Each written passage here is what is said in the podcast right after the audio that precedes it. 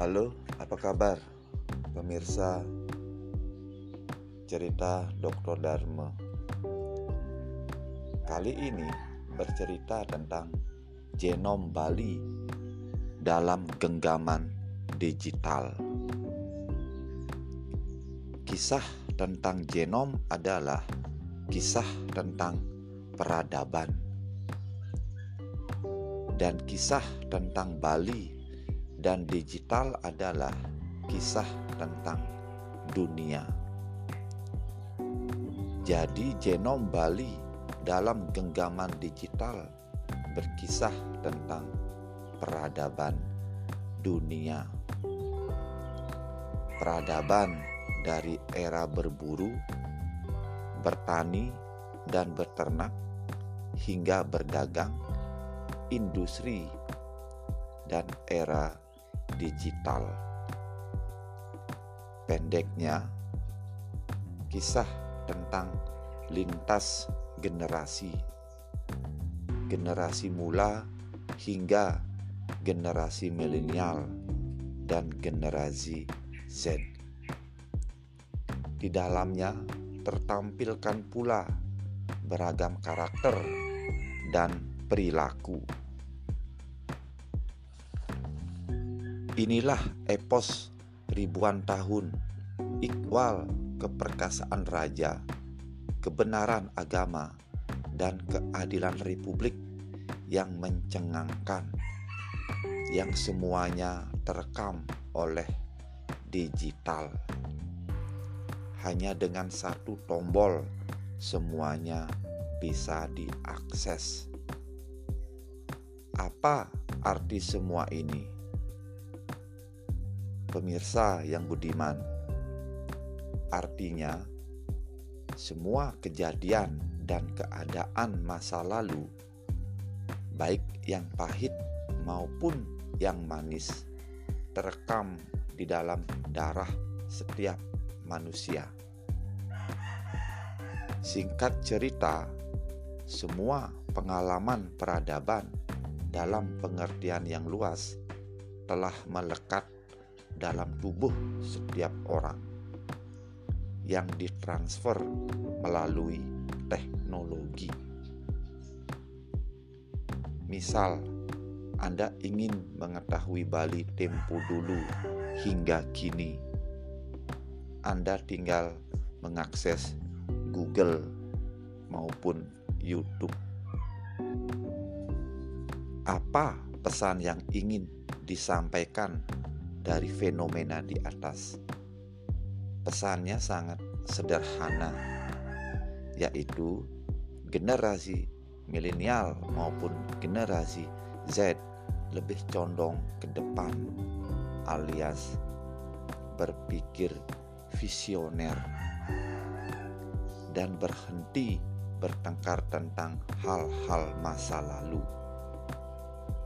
Karena rekam jejak masa lalu terekam jelas dan pasti di internet. Bila kita masih bertengkar tentang hal-hal masa lalu, seperti pertengkaran terkait keyakinan dan kepercayaan, artinya kita mundur sebagai manusia. Pemirsa, masa lalu jangan diartikan kita harus menanggalkannya maupun meninggalkannya. Namun, kita adalah bagian dari masa lalu, di mana masa lalu telah mengalir dalam darah ini penting agar kita berhenti menghujatnya. Fenomena inilah yang kita saksikan pada generasi milenial dan Z. Mereka sibuk dengan internet, bahwa internet memberi akses kepadanya untuk bertumbuh dan berkembang. Berhentilah menghukum mereka pada internet, karena internet adalah genomnya. Pemirsa, mari kita telisik lebih dalam dengan mencontohkannya. Kita contohkan Bali. Bila Anda menyaksikan generasi milenial dan Z selfie di pura, Anda jangan terlalu cepat menuduhnya tidak baik. Apa artinya ini?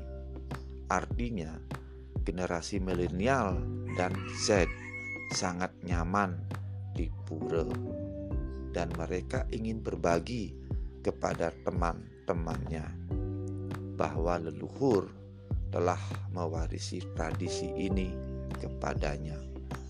Singkatnya, tindakan dan perilaku kita lokal, namun bisa diakses ke tataran internasional di belahan dunia lain dengan bantuan internet. Jadi sekat lokal maupun global telah ditipiskan bahkan dinolkan oleh internet.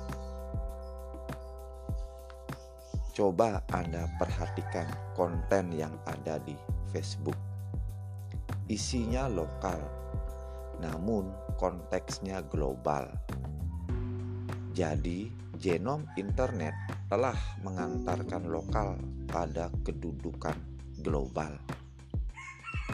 Dengan kata lain, lokal adalah bagian dari global, dan global adalah lokal itu sendiri.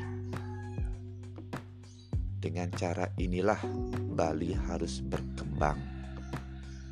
Berkembang dalam arti tidak tersekat-sekat oleh masa lalu namun Bali yang visioner, Bali yang global, karena Bali adalah milik dunia.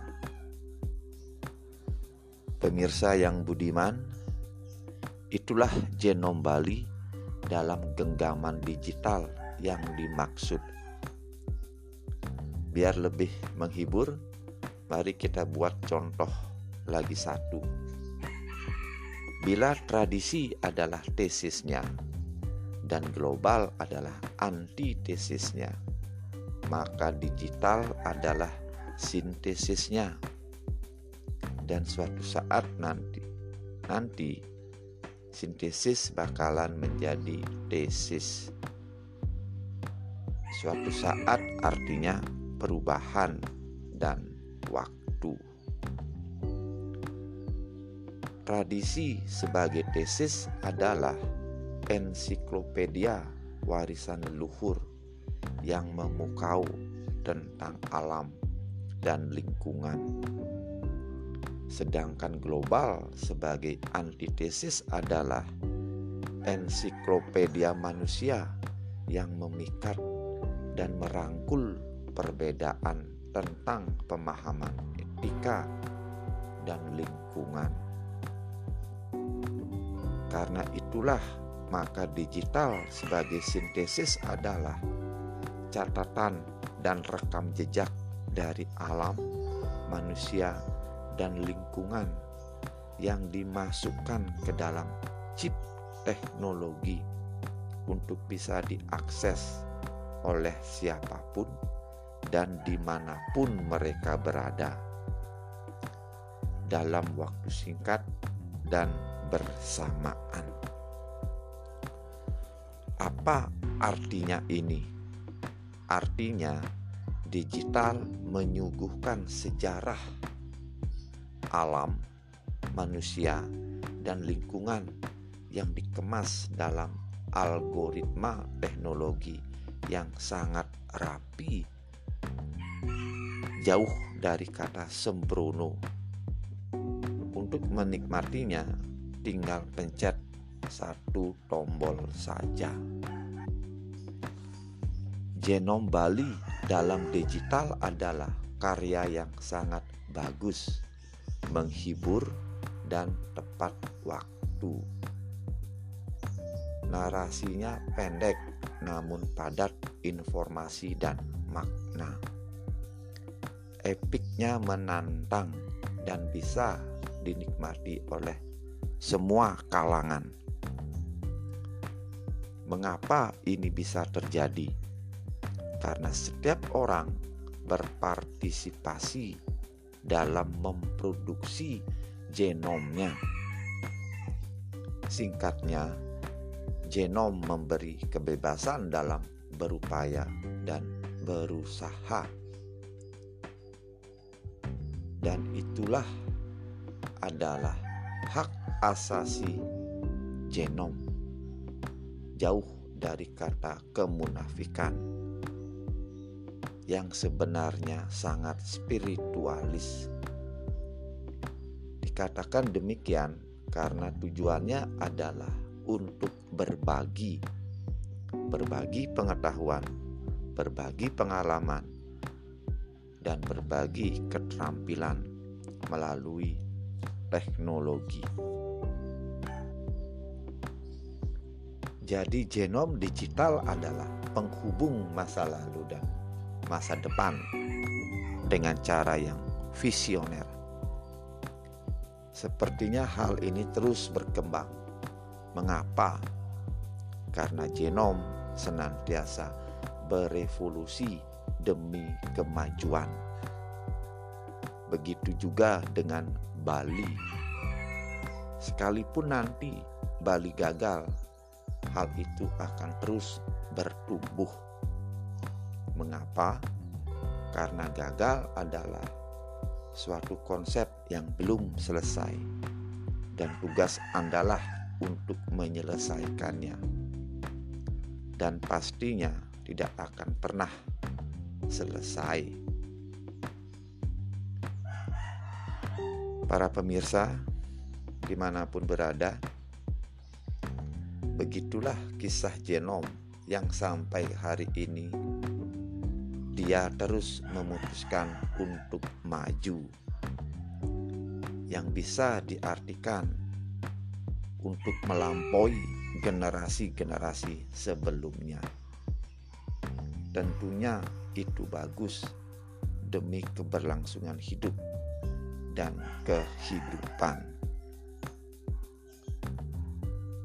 Pemirsa, sampai di sini dulu cerita genom digitalnya. Mudah-mudahan tersampaikan dengan baik dan apik dan mudah dipahami. Sampai ketemu lagi di cerita berikutnya. Terima kasih.